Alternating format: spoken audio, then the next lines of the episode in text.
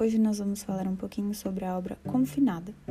É uma história fictícia criada por Leandro de Assis, com a colaboração de Priscila Oliveira. O autor Leandro já trabalhou exclusivamente como roteirista de cinema e TV, já realizou trabalhos famosos como a série Mulher Invisível, que foi exibida na TV Globo, e longas, como Muitos Homens em um Só e Sob Pressão. Recentemente, ele decidiu fazer seu trabalho independente e migrou para a produção de histórias em quadrinhos com temas voltados para a crítica social. Confinada relata o cenário de quarentena vivido atualmente pelo mundo todo e conta com a criação da personagem principal, Fran Clemente, que enfrenta a quarentena junto de seus empregados. Fran é uma blogueira da atualidade, que passa a maior parte do seu tempo se dedicando ao seu engajamento em mídias sociais, enquanto passa uma quarentena cheia de regalias no conforto de sua casa, cercada por familiares e empregados, seu marido Tony está em viagem de negócios pelo exterior sem previsão de voltar, e sua carreira encontra-se cada vez mais promissora com as campanhas que surgiram na quarentena. Enquanto num cenário não tão distante dali, as coisas acontecem de uma forma totalmente diferente.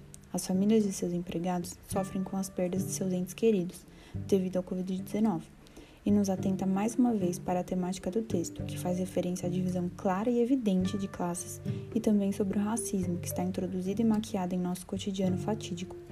Como nos momentos relatados nos quadrinhos em que a irmã de Fran recompensa seus filhos pelos bons estudos, enquanto a filha da empregada não tem acesso à internet e conta com a ajuda dos vizinhos para tentar estudar.